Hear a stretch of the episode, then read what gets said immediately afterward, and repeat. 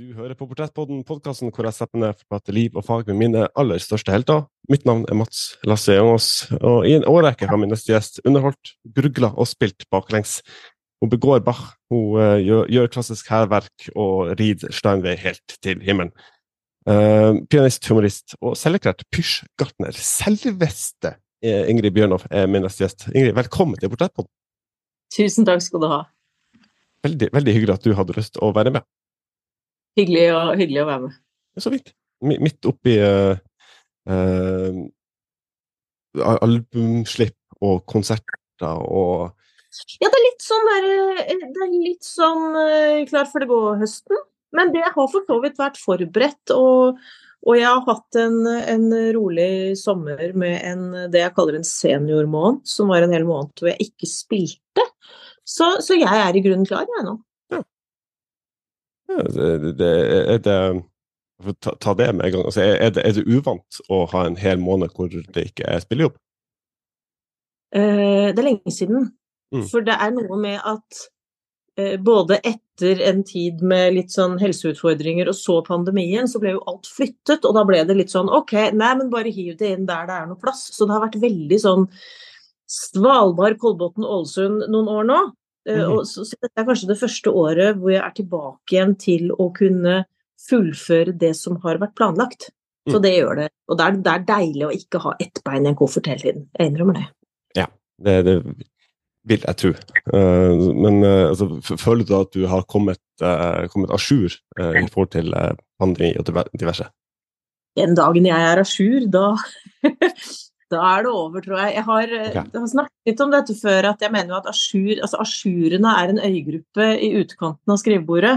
Mm. Det er et sted man skal drømme om å komme til, mm. men den når man kommer dit, så er det antagelig over. Så, men jeg føler i hvert fall at jeg kan stole på mine egne planer igjen, både privat og profesjonell. Det, og det gjør godt. At man ikke hele tiden har det der eh, underliggende 'men det blir sikkert ikke noe av'. Og det tar det mm. litt tid å vite. Ja, det er vel også litt sånn altså det, det, inntrykket jeg har fått av, av dem jeg har prata med i, i, kunst- og kulturbransjen, er jo lite sånn snev av uh, imposter syndrome, som heter så fint på godt norsk. Uh, at man, man, man, måte, man, presser prosjekter for, foran seg i ren angst fordi man ikke skal klare å levere det, det, man tror man er nødt til å levere. Ja, altså Jeg vet ikke. Den lille angsten, den ligger der jo alltid.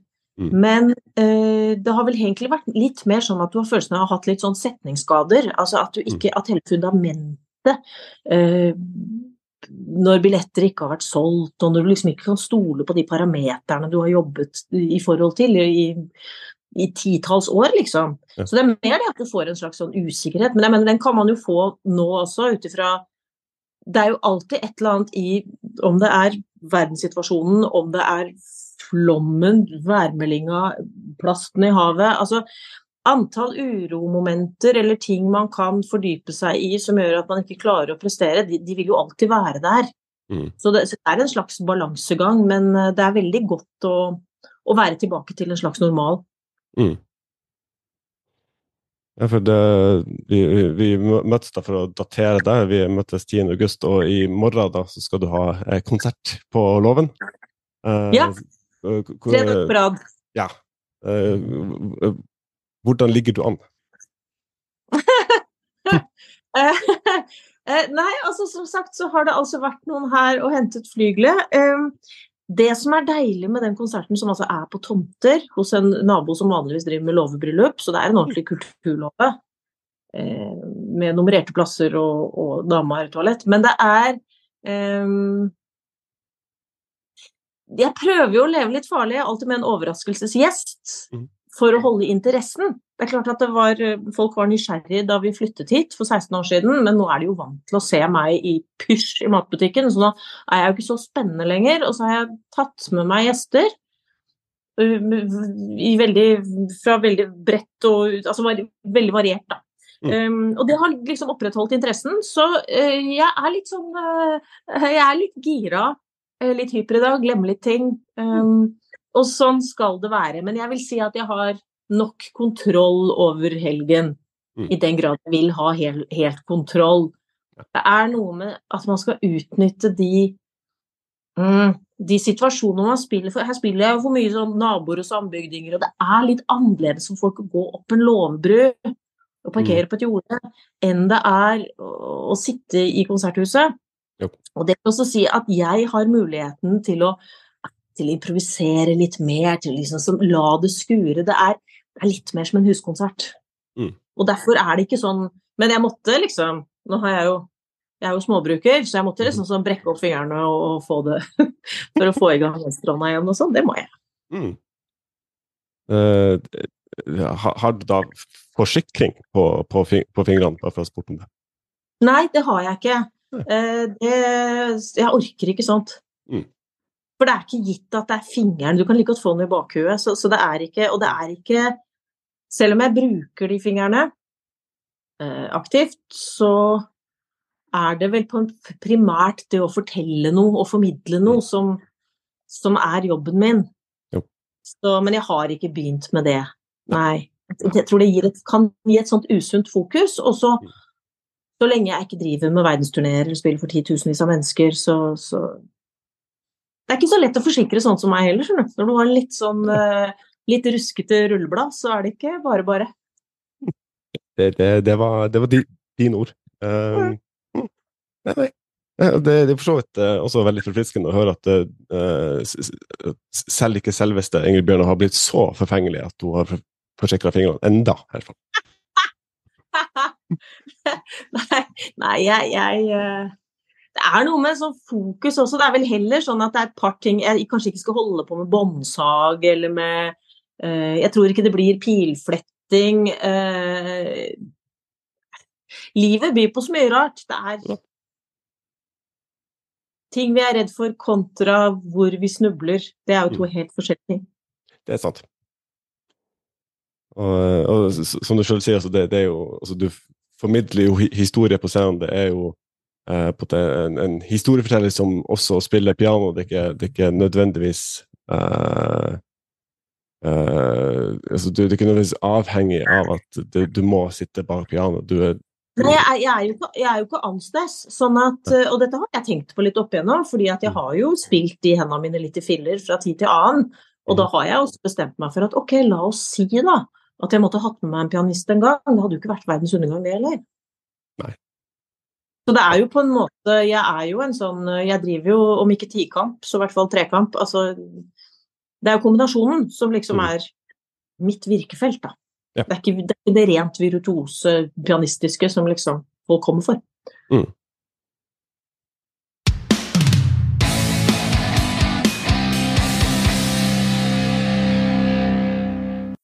Altså, du, du, har jo da eh, så, som du selv sier, eh, spilt, spil hendene dine eh, i, i, stykker ganske mange ganger. Eh, og det er jo eh, veldokumentert at du er en halvdel av Dolly Deluxe. Uh, det har du sikkert blitt spurt om ganske mange ganger i løpet av karrieren, så jeg skal, skal ikke nødvendigvis gå så veldig dypt inn i det. Men, uh, men uh, jeg har uh, tatt en liten prat med, med din, din kjære kollega og venn Benedicte Adrian i, i, i anledning denne, samtalen. for å få noen, noen, noen gullkorn og litt annet perspektiv på, på Ingrid Bjørnov. hun sier da sitat at Ingrid er en usedvanlig begava uh, musiker. Uh, og Benedicte er da heldig som fant hun, altså Ingrid, i en sandkasse som toåring. Uh, hun har absolutt gehør og har utrolig gjennomføringsevne. Hun har aldri gitt opp på et prosjekt. Uh, har en fantastisk drivkraft som inspirerer alle rundt henne. Og Det er ikke mange på hennes nivå. Sitat Benedicte Adrian. Wow. Ja. Det er, det er litt av et skussmål, altså. Ja, det, det jeg, blir eh, jeg, blir vel egentlig bare helt stille. Det, eh, og hun har jo hatt meg i, i slipset bestandig, så, så, nei, det er veldig, veldig, veldig hyggelig. Var jo ganske heldig fra min side av sandkassa også, da, kan du si, som fant henne.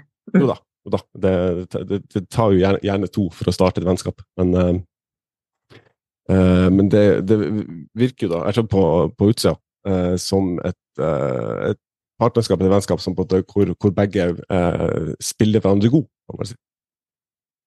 Definitivt. Og så er det jo også alle de Jeg har jo Hva skal jeg si? Nei, det, det, det der gode gamle med at vi utfyller hverandre, det stemmer veldig godt med Benedicte og meg. Hun hadde en helt annen På en måte hadde hun helt andre ambisjoner. Uh, hun gutser Hun er på en måte villig til å ofre mer og gutse hardere og henge en hyssing ned Holmenkollen og, og, og, bli brent på den hver kveld. Og, altså, uh, hun vil stå på scenen. Uh, jeg vil holde på. Eh, jeg er veldig glad i forberedelsene. Altså, jeg er glad i å stå på scenen, jeg også. Men det er masse som Jeg tror ikke det hadde blitt artist av meg uten Benedicte. Mm. Fordi, eh, fordi, jeg kommer fra denne lærerfamilien, og alle synger og spiller, men ingen lever av det. Uh, og jeg tror kanskje fornuften hadde tatt meg fanget, og så hadde jeg blitt en sånn musikklærer eller noe sånt. Det tror jeg. Ja. Så, altså. så, jeg tror det at jeg lempet uti der med Lempet ut i showbiz med militærjakke og, og, og, runde briller, det tror jeg eh, endret livet mitt. Mm. Ja, altså, i, i kveld tror jeg også det ville blitt en, en, en, en, veldig god musikklærer, men det hadde jo også eh, Norges musikkhistorie blitt, eh, blitt, mye fattigere. Man... takk, skal, takk, skal, du ha. Nei, men det er jo Nei, vi, var, vi, har vært veldig heldige med hverandre, Benedicte og jeg. Og jeg må også si at hun har, det hun har vært eh, mye bedre til, det å på en måte ha et mål for øye. Jeg må ha det bra underveis. Mm. Jeg orker ikke uh, for mange kompromisser og sånn. Hun er mye mer villig til å liksom si ok, dette gjør vi nå, men det er fordi vi skal dit. Mm. Uh, uh, så sånn sett så har hun en utholdenhet, og hun er også villig til å ta den frontjobben. Mm. Som jeg var. Og jeg tror ikke jeg ville vært Jeg tror med hånden på hjertet at det at Jeg har jo alltid vært en såkalt late bloomer. Um, og uh, her er det en flue. Um, og uh, jeg tror ikke Der datt jeg av mitt eget svar, men uh, Der, jeg husker ikke hvor jeg var. Nei, Nei det konkluderer med at Da hadde jeg gått på veldig mye gøy og veldig mye bra og veldig mye uvanlig. Mm. Og det, det, kan, man, kan man vel trygt si at det, er et, eh, et eventyr som, eh, som, eh, du absolutt ikke ville vært foruten, vil, vil jeg tørre å påstå. Mm. Nei, det er sant. Det er helt sant. Mm. Men jeg tror jo også at altså, Og det vil jeg legge til at jeg tror nok også når man ser hva ja, bare dette lille landet uh, som vi bor i, hva det rommer av talent, så er det jo disse anledningene, om du, om du, får lov til å hoppe på det toget når det kommer brasende forbi. Altså, har, Og du, du, ser så mye flinke folk som dukker opp, særlig nå når man støvsuger landet i forhold til talentkonkurranser og sånn, så ser du hvor mye, hvor mye bra stoff det er. Og resten er liksom en haug med tilfeldigheter, masse jobb, hva slags uh, sosialt uh, liv har du, hva slags backing har du rundt deg. Det er, det er litt som å drive fram uh, uh, idrettsstjerner. Altså, du vet jo hvor mm. tidlig de prøver å finnes fotballspillerne. Ja. Mm. Sånn at uh, vi var utrolig heldige som fikk det. Både fikk ABBA i fjeset da vi var ti år og tenkte hm, her var det, dette er vår ting. Mm -hmm. uh, og ble oppdaget da vi var 15. Og hadde familier som på en måte, eller hadde foreldre som aksepterte at ok, nå prøver vi dette. Mm. Mm.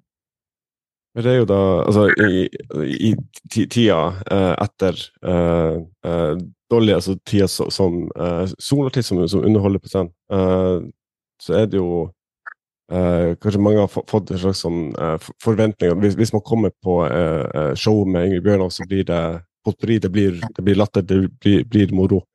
Uh, og så blir det gjerne litt uh, skråblikk på kjente låter og, og, og historie.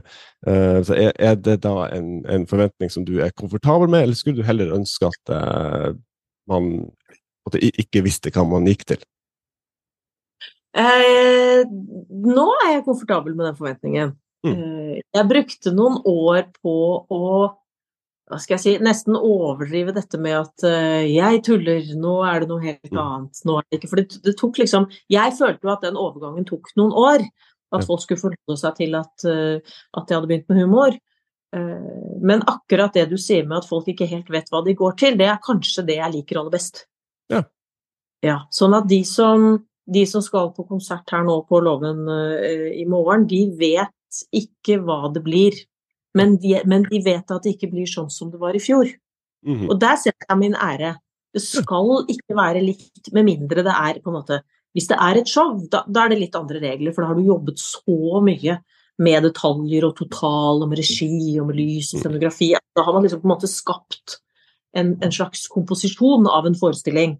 Eh, men en konsert med meg, den skal være preget av den dagen vi er der, og hvis du kommer dagen etter, så skal det ikke være helt likt. Så, så, sånn sett så er det det beste jeg vet, egentlig at folk lurer litt på hva blir det denne gangen, liksom. Mm. Men så er det sånn rar, rar ting også, fordi du kan bli når, når, det går veldig bra, så blir man sånn Man kan bli for opptatt av å forsøke å bevare den situasjonen, da. Mm. Uh, og jeg har jo vært i ganske i dollartida, kanskje særlig den gang jeg var heks, eh, så var vi jo i ganske sånn tighte økonomiske situasjoner, og det var, ja, det var rabatter og rettssaker. Og da blir det veldig lite kreativitet. Da bruker du veldig mye krefter på, på, Og da blir det fint å gå på jobb, fordi det er da du er ubekymret. Mm.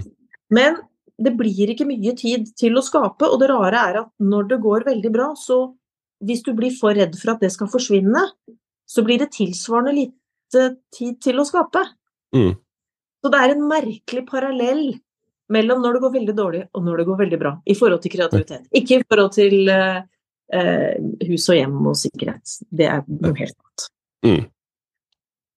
Det det da, altså når man både når de ekstremt store høydene som, som uh, du, du, har gjort på egen hånd, også, også sånn med, med Benedicte Adrian, får man da en, en slags sånn eh, Kall det en angst for at eh, i, i, i, morgen er alt borte? Det går du ut ifra hele tiden. Mm. det er, og det har jeg til og med snakket med eh, med kollegaer med, Jo, Jo Nesbø sa til meg en gang han sa Ingrid, jeg tror vi klarer å leve av dette neste år også. Mm. Eh, fordi, og det tror jeg er en sånn frilanserangst som, som, du bare bærer med deg hele livet. At du tenker ah, ja, men hva med neste år? Eller så tenker du ah, ja, men hva med neste show? Mm. Eh, eh, og så, så, på en måte så må du, du må riste deg litt løs fra eh, forretningsmodellen deg selv. Mm. For det er jo det som er underlig med artisttilværelsen, det er jo at det er du som er produktet. Ja. Eh, eh, ikke sant? Hvilket jo gjør at sånne som meg blir jo Vi blir jo godt selvopptatte. Eh, men vi kan også bli litt sånn Ikke fanget av det, men, nei, men at, du blir, eh, at du, blir, du blir for opptatt av å bevare det. Du mm. blir for opptatt av at det er nødt til å gå minst like bra som sist, og sånn, og det er jo ingenting som gjør. Ja. Men da tror jeg det er lettere å være i sitt 60. år enn i sitt 16., for å si det sånn. Det, det, det kan godt hende. Mm. Jeg vil jo uh, Altså, bare for eh, altså, en, en, mann på 32 er jo litt mer vis enn jeg var når jeg var 15-16 og tro, trodde jeg var udødelig. Ja, men samtidig så kan man jo også være litt sånn åh, det hadde jo vært hyggelig å tro man var udødelig, i hvert fall i et kvarter. Jo da. Men, men, eh, men det er eh, Nei, det er noen, noen, noen fordeler er det med erfaring. Mm.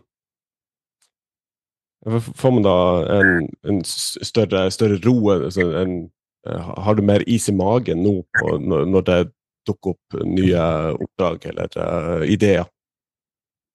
Jeg vet ikke om jeg har mer is i magen, men hvis jeg ikke har is i magen, så vet jeg hvorfor jeg ikke har det på det tidspunktet. Som mhm. f.eks. dagen før den første konserten i høst. Ja. Eller jeg vet at 14 dager før en musikalpremiere så er det totalt sammenbrudd i, i, laget, og hvis det ikke er det da, da rekker du ikke å, hvis, det, hvis, det, er én uke før, da rekker du ikke å lappe sammen forestillingen igjen. Men hvis panikken er to uker før, da, da rekker du å komme deg på beina igjen. Altså, jeg har noen sånne kurver, da. Jeg har tegnet noen grafer av og til over sånn, hvordan du egentlig har det mentalt i løpet av en tolv ukers prøveperiode foran en nyskrevet musikal. Mm. For det er ganske likt. Det er, det, og det er det som er det er ganske likt fra gang til gang. Med noen hederlige unntak, selvfølgelig. Ja. Og derfor så er det noe med at ja, eller jeg, eller jeg har is i magen på vegne av at jeg er nervøs. Jeg vet at Mm. Men jeg kan, jeg kan likevel være like overrasket dagen etter jeg har spilt, eller når jeg er ferdig, så kjenner jeg at ok, det var derfor jeg var så urolig. Jeg var rett og slett nervøs. Mm. Men det er jo kanskje den delen jeg ikke skjønner hva jeg skulle erstattet med. Jeg er jo en ivrig småbruker, ikke sant? jeg dyrker grønnsaker og alt sånt, men jeg får jo ikke puls av å sette poteter. Du, du om det? Nei, men jeg, jeg altså så, så, så dette her med liksom Jeg tror det tror jeg idrettsutøvere har på samme måten, ikke sant. Hva Mm. skal man gjøre? Man begynne med sånn fjellklatring, eller hva Mm. Hvor er det jeg skal få det tilsvarende konsentrasjonen, det tilsvarende adrenalinbruket? Jeg tror egentlig ingen i min eh, verden eh, eh, gir seg hvis de ikke må. Altså det, det, det er jo unektelig fint å sette poteter og, og, og ha småbrukstilværelsen, men det, som du sier, det er kanskje ikke det, det samme eh, suget i magen når eh, man skal trekke opp eh, potetene etter Nei, det er klart hvor mange det er, og du er spent på altså, Mm. om det har kommet og det er, det er mye å være spent på der også, men eh, jeg har jo alltid hatt Jeg har i hvert fall de siste 15 årene så jeg har jeg sagt at jeg kunne vært ute i åkeren på heltid. Mm. Eh, men, når- men når jeg nå periodevis har kunnet drive med det nesten på heltid, så vet jeg jo at det ikke er sant. Så gøy er det ikke med poteter. Nei, nei. Men jeg må grave. Det må jeg grave. Jeg kommer alltid til å måtte grave.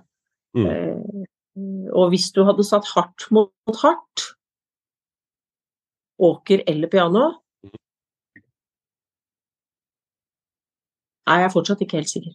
Jeg Eh, tenker, det, også, jeg tenker at det er litt det samme som at man skal drømme om ferie.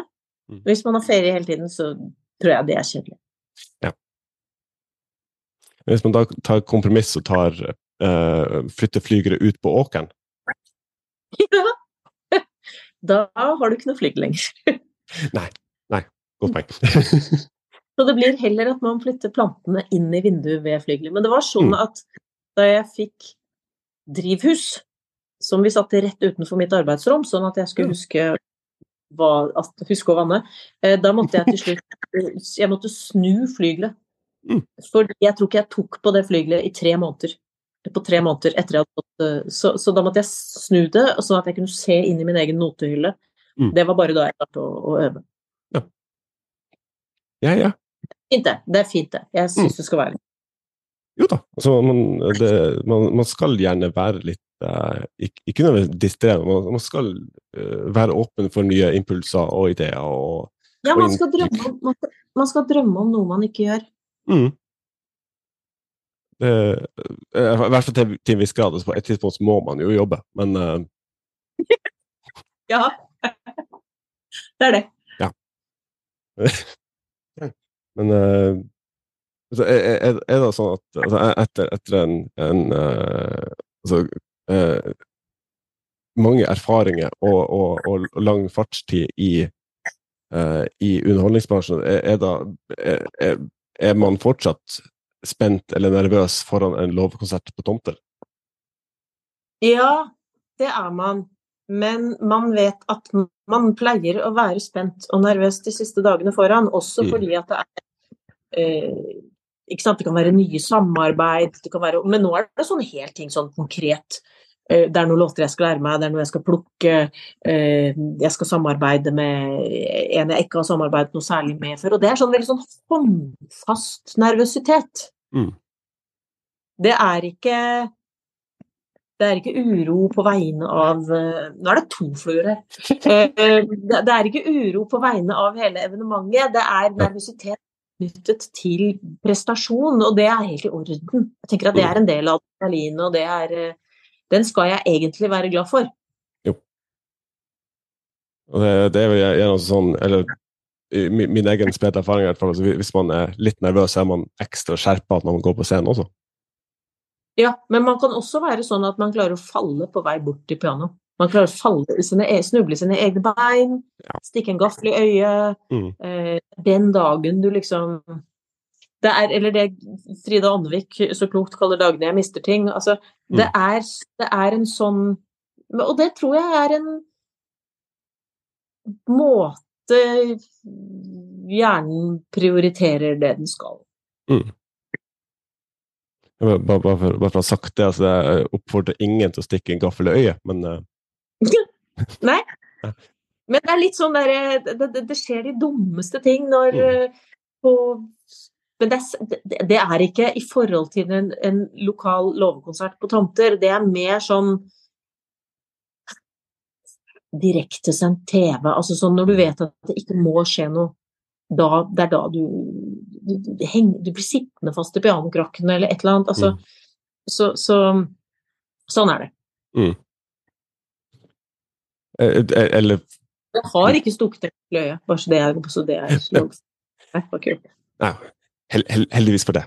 Uh, men, men altså, altså, den, altså, den, samme type uh, nervøsiteten eller ting går, går, i krøll, altså, gjelder det også hvis man plutselig blir kasta inn i et radioprogram og ikke skal sitte foran uh, flygelet? Nei, det er litt annerledes. Uh, Hvis man plutselig blir kasta inn i et radioprogram jeg, jeg, er sånn at Hvis jeg vet at jeg ikke kunne forberedt meg, mm. det er ganske kul. Mm.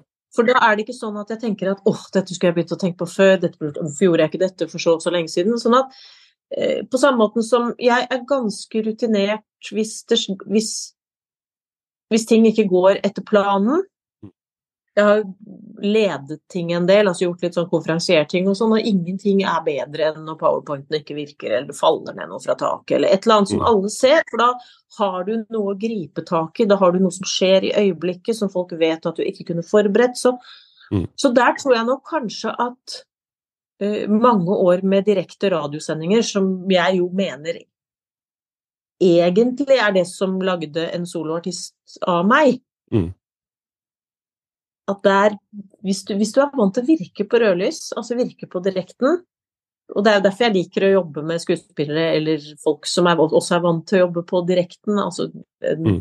Om det er Kari Slottsvenn eller en Øystein Sunde eller en Kåre Konradi, så er det folk som liksom De vet at OK, vi er på. Her, mm. nå finner vi på noe. Er det, dette skulle ikke skjedd. OK. Altså, for da får du et rush.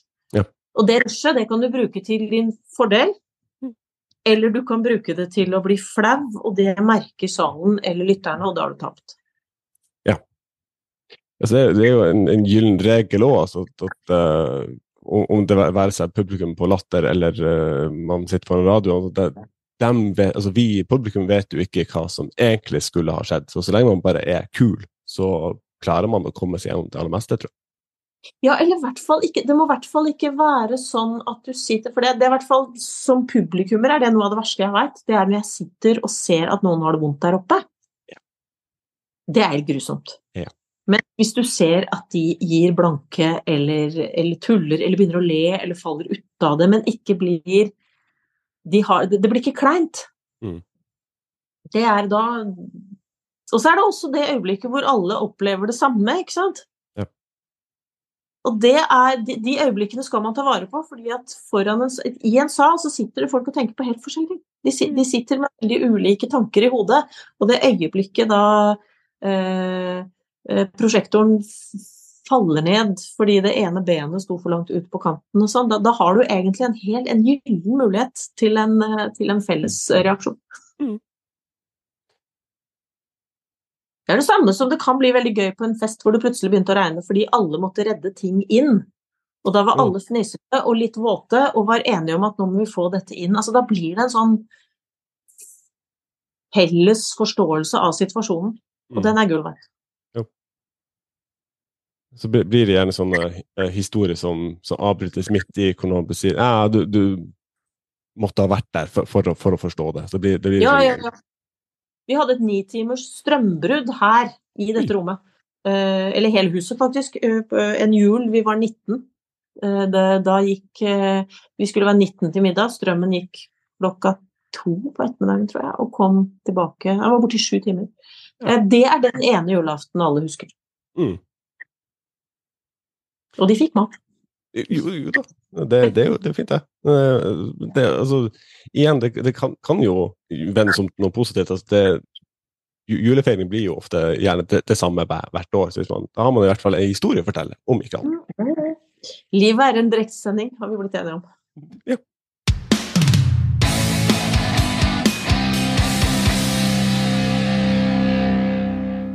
Jeg var i, i Oslo for, for, ikke så veldig lenge siden, eh, og så blant annet med Mamma Mia, eh, musikalen, som du har skrevet tekster til, eller oversatt tekster til.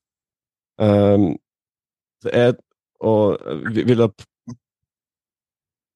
Mitt inntrykk er at det, det, kommer en god del med ganske finurlige og noen kanskje litt rare eh, oppdrag inn på innboksen eh, titt og stadig. Eh, men er, du, er, du, da mer komfortabel med å eh, skrive for Inger Bjørnov, eller skrive for andre? Um, det er en salig blanding, selvfølgelig. Jeg har skrevet mye for andre. Jeg har også skrevet mye som eh, på oppdrag, altså sånn som en del av en jobb, at jeg skal mm. spesialskrive et eller annet. Um, hvis jeg ikke skal fremføre det selv, så gir det meg en distanse som av og til kan være deilig. Mm. Hvor det ikke er sånn Å, er dette riktig for meg å gjøre? Bla, bla, bla. Altså, jeg skriver på noe nå, f.eks. i en stilart jeg ikke selv uh, har spilt, og som jeg ikke, antagelig ikke kommer til å gjøre heller. Um, det er befriende å få frispill av seg selv, men samtidig så er jeg nok best til å skrive for meg selv. Mm. For da blir det ikke noe avstand mellom å skrive og fremføre. Da er det liksom to sider av samme sak, og da vet jeg hvordan, hvordan jeg skal presentere det. Men der er jeg nok glad i det vekselbruket eh, karrieren min har, har, gitt meg, da. At det mm. er eh, Hvis jeg skriver noe for et teater eller et eller annet sånt, så er jeg Da har jeg et oppdrag som er eh, Om ikke begrenset Jeg, jeg har ikke noe sånn totalansvar. Da har jeg en oppgave, og den er innenfor en ramme, og jeg skal levere noe. Da er det ikke sikkert jeg trenger å vurdere hvordan plakaten skal se ut, hvor mange billetter de har solgt, eh, om det skal promoteres. Altså sånne ting som man må gjøre når, når, når det er en selv det handler om. Mm.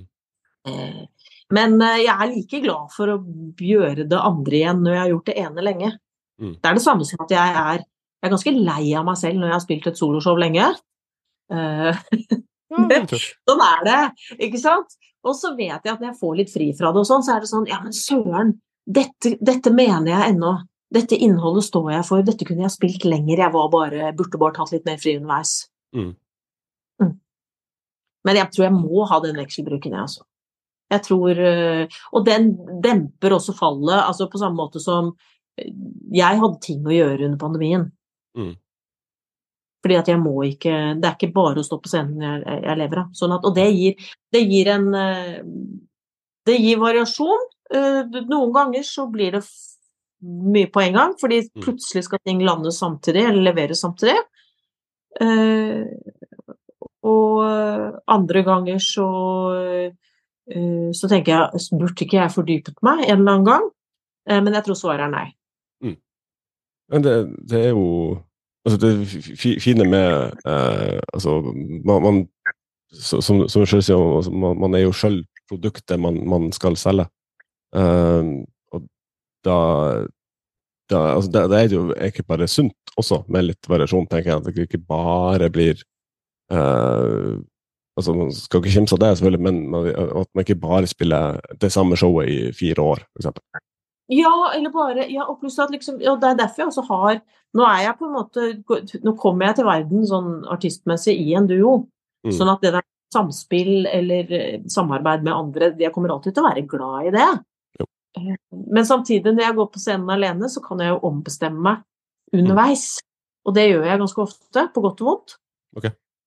Fordi at jeg liker å prøve å lese salen og kjenne ok, vil de ha mer Nei, nå har de fått nok informasjon. Nå tar vi en Kanskje Altså Og det, er, det kan du ikke gjøre på samme måte sammen med andre. Samtidig så kan du ikke bli overraska aleine. Nei, det er sant. Nei. Og for eksempel eh, å, å stå på scenen med en eh, med en Kari Slottsveen eller en Kåre Radi er jo aldri kjede. De finner jo på ting, ikke sant? Og da blir jeg overraska, og da føler jeg at jeg lever. Mm. Det, det, det, nærmeste jeg kommer til, har hatt eh, Kåre Conradi på uh, som gjest på podkasten.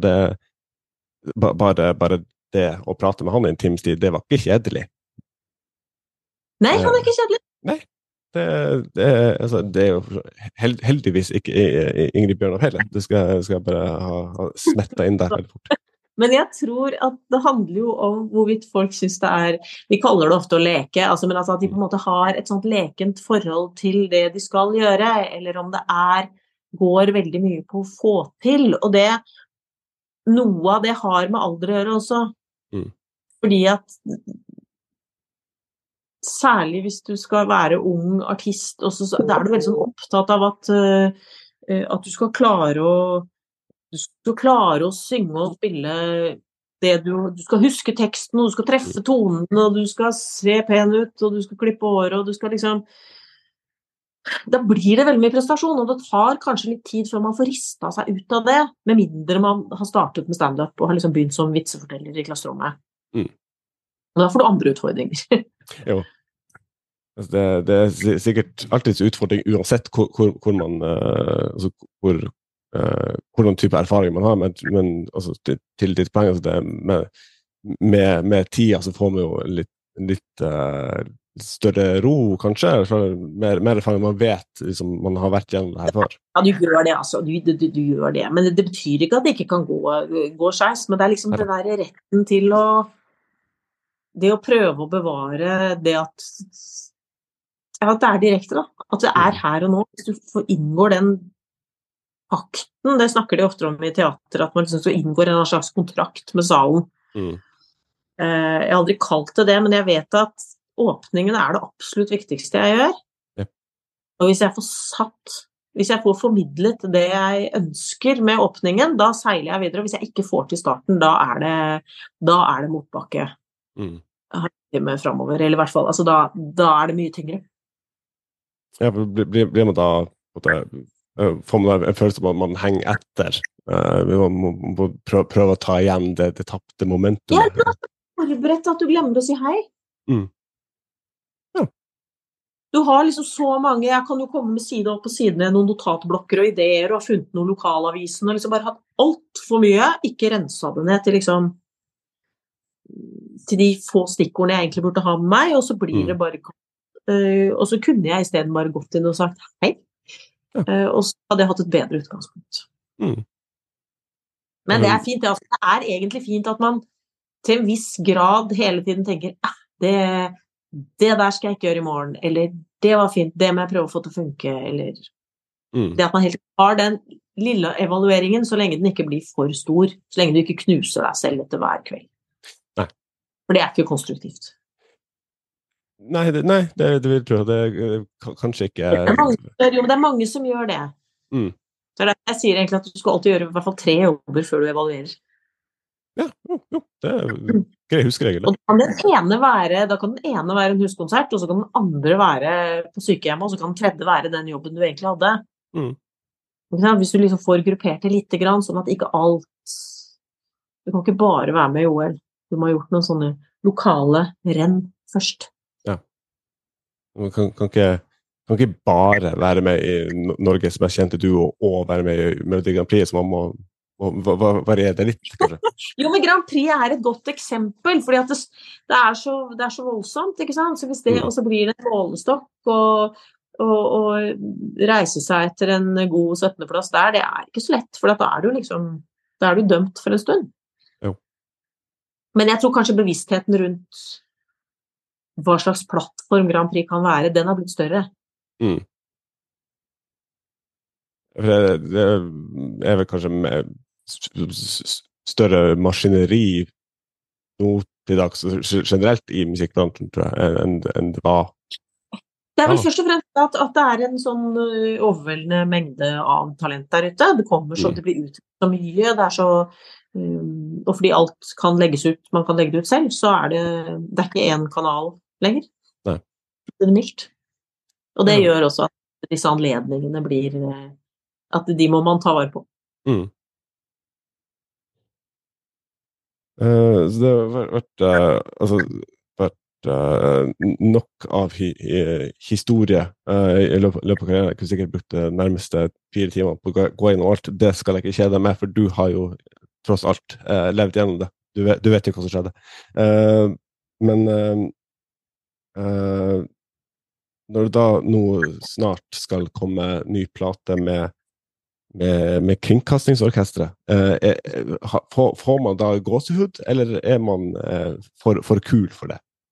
Nei, jeg skal love deg man får gåsehud, altså. Det mm. er fordi at å spille med stort orkester Jeg har gjort det mer nå, men jeg har jo liksom fortsatt ikke gjort det flere ganger enn at jeg jevnt over begynner å grine på den første orkesterprøven. Eh, hvis du Det er noe med at når du spiller i band eller lager plater, så gjør du ofte mye Jeg har i hvert fall opp igjennom gjort mye for å forsøke å erstatte det orkesteret som ikke er der. Mm. Ikke sant? Jeg har spilt på keyboard som prøver å låte som fioliner og horn og elektriske gitarer. Ehm, så når du plutselig opplever det å være inni et orkester Altså, det er det er så sterkt. De sitter der og stryker og blåser, og, og, og, det er så akustisk, og det er så organisk, og det er så um, Så jeg blir helt fjetret. Så det å, å ha det som en sånn Det føles jo egentlig som verdens feteste bursdagsgave å få lage et album med KORK. Det um, Nei, bare, bare, opplevelsen å være inni der. Altså, jeg, jeg, på noen av prøvene så lå jeg under, altså jeg lå bak kontrabassene, bare for å, fordi at da får du en helt annen Jeg anbefaler alle å legge seg på baksiden av kontrabassene, for da, da durer det i gulvet, og da durer det gjennom kroppen din. og Nei, jeg reagerer fysisk jeg på orkester, øh, orkester mm. og spiller med. Ja.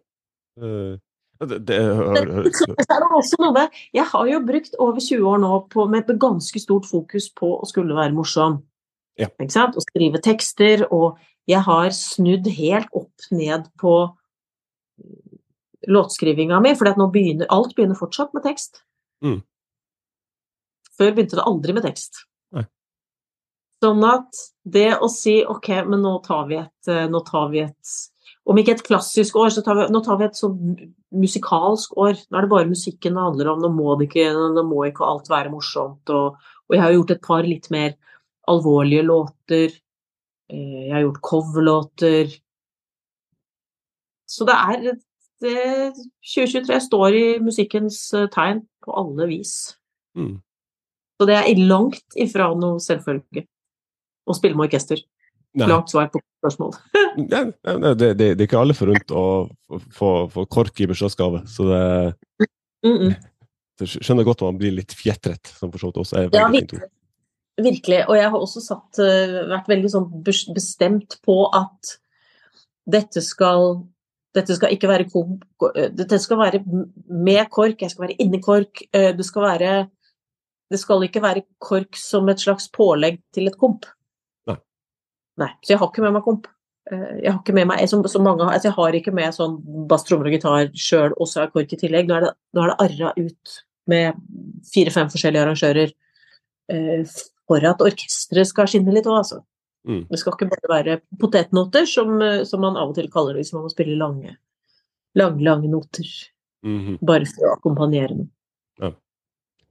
Hvis man først har KORK til rådighet, så blir det kanskje litt dumt å bare redusere dem til liksom, bakgrunnsakkompagnement. Uh, det, det, har vært gjort, det har vært gjort så mange fine eh, De er jo et så fleksibelt og, og lekent orkester, så, så, jeg skal ikke trekke ned noe av noen andre uh, innspillinger. Men jeg syns det var morsomt å la orkesteret være i fokus.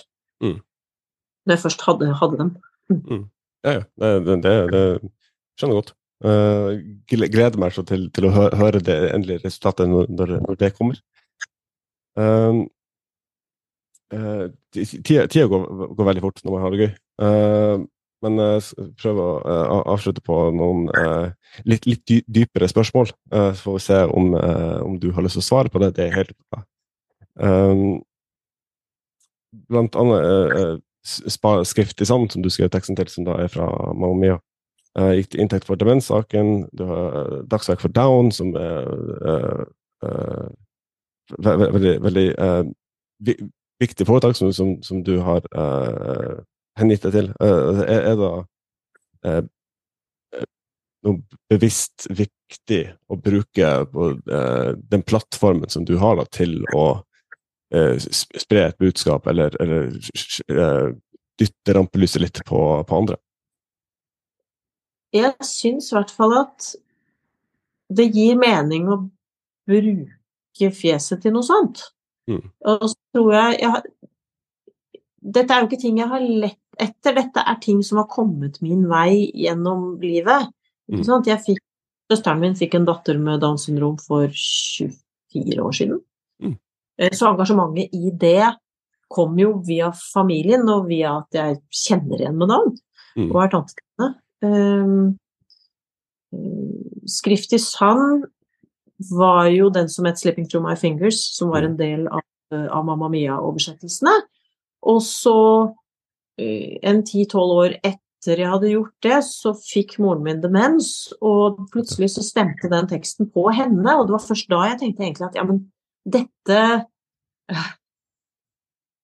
Dette er dette er det så mange som står oppi. Jeg, jeg, jeg er ganske opptatt av å representere eget, mitt eget kull. Mm. Jeg er veldig opptatt av å ikke skulle la tiden stå stille eller fryse verken sveisen eller artistbildet eller uh, late som jeg er i et annet tiår enn jeg er. Og, men det å finne en skånsom måte å fortelle om en mor med demens, en mor jeg jo har tulla med i mange år, Ja. og hun har sittet og fnist og ledd og sagt 'ja, du ljuger fælt', ikke sant. Og så begynte hun å glemme, og så tenkte jeg 'nå kan jeg ikke tulle med henne', og så Og så kommer så, så, er det Så tror jeg det også er en helt naturlig ting at selv om du driver med humor, så skal det være noe i bånn som er alvorlig, og når livet bringer de alvorlige tingene, da er det både å tørre å snakke om dem, men også skjønne at fy søren, vi trenger å tulle. Mm. Vi trenger virkelig humor. Det er, det er, humor og musikk er de to tingene som får oss til å overleve når livet er uutholdelig.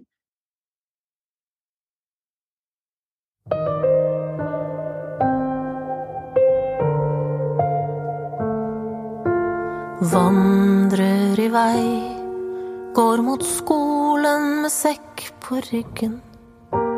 Vinker farvel med et fraværende smil. Ser henne gå, og jeg kjenner et stikk av smerte. Jeg må sitte ned og ta en hvil. Jeg føler hun forsvinner for bestandig. En verden der jeg ikke slipper inn er glad hver gang hun fortsatt vil betro seg den rare ungen min. Som å ville spare skrift i sand. Jeg holder hardt på små sekunder. Små lykkestunder. Som å ville spare skrift i sand.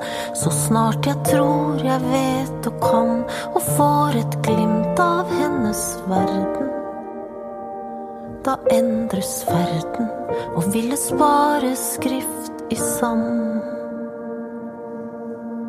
Uh, og det var på samme måte etter jeg fikk For jeg fikk jo kreft for noen år tilbake, og så fikk jeg veldig flott, moderne uh, kreftbehandling. Og tenker også fint, bruk meg som reklame på det, altså. Mm. Og det gir jo på en måte den kjendisstatusen som ellers kan føles litt fjollete, den gir jo, det, da får den jo mening. Så det er egentlig en vinn-vinn-situasjon å finne seg sånne hjertesaker, fordi det er jo en del av artistvirksomheten å stille opp på veldedighetsting. Det har det alltid mm. vært. ikke sant?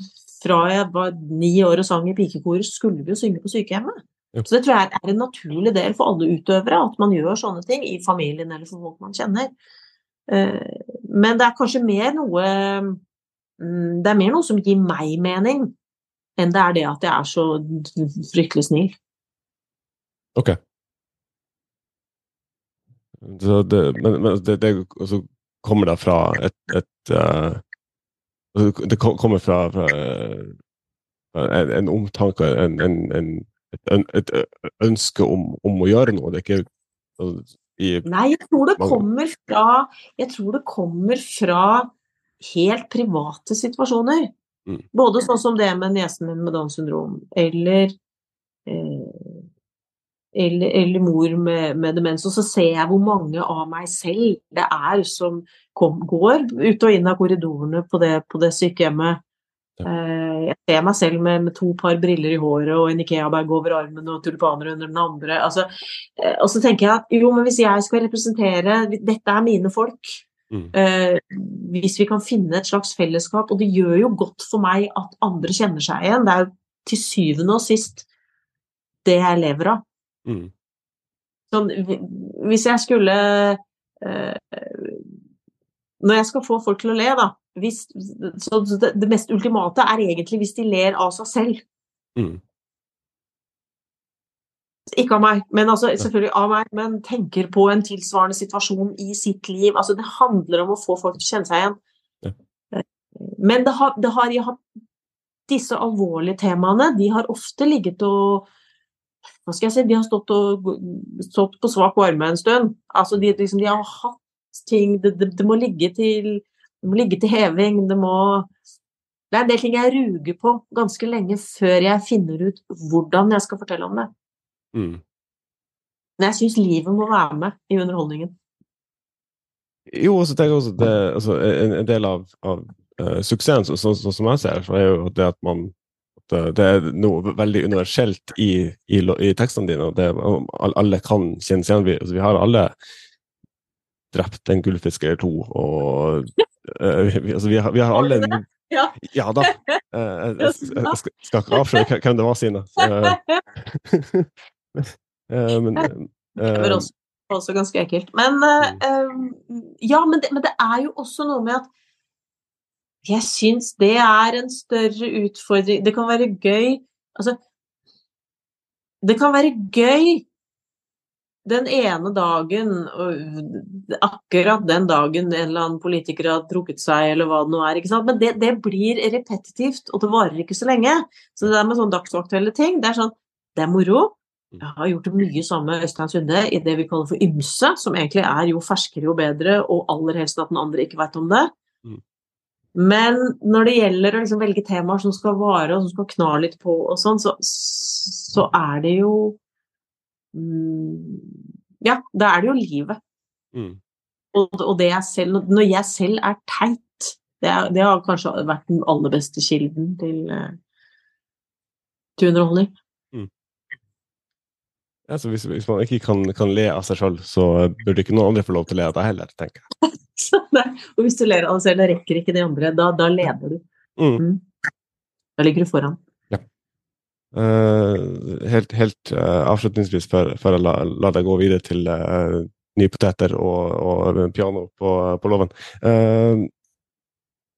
Du ser du, du, ruger mer på ting. er Ingrid Bjørnov som artist annerledes nå enn før uh, du ble syk, hvis det er lov å spørre om det? Um, jeg tror ikke jeg er annerledes som artist, men jeg tror jeg er litt annerledes som person. Mm. Fordi jeg tror at det å på en måte ha sett en sånn fare i øynene, det, det, det forandrer litt sånn plattformen for livet. Eh, men det er ikke bare på en dum måte. Det er sånn at eh, Jeg husker første gang de sa at nå skal vi kontrollere deg gjennom tre måneder. Og så tenkte jeg tre måneder, det er jo et, helt, det er jo et, det er et hav ja. av tid. Det er, helt, det er helt vanvittig lenge. Mm. Og den respekten for tid, den skulle jeg gjerne hatt Altså, den prøver jeg og det er ikke så lett.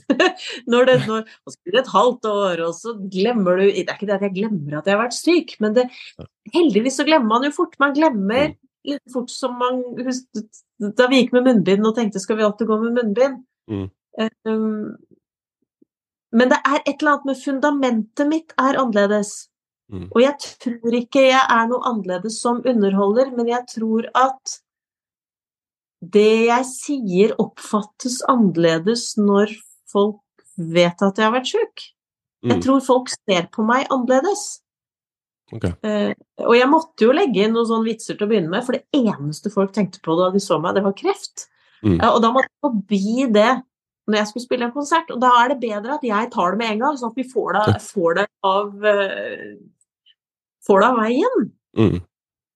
Og det kan jo gjelde på en fest også. Hvis jeg går på en fest nå, så er det nesten bedre å slå på glasset og si OK, folkens, jeg veit dere kommer til å spørre, jeg var til kontroll for to uker siden, alt er bra.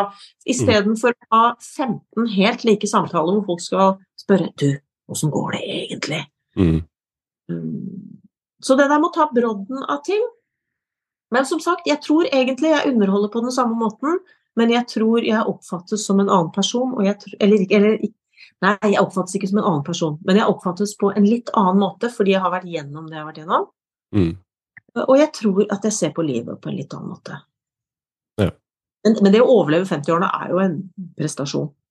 Det dukker jo opp et eller annet Altså, 50-årene er jo ikke for pingler. Nei.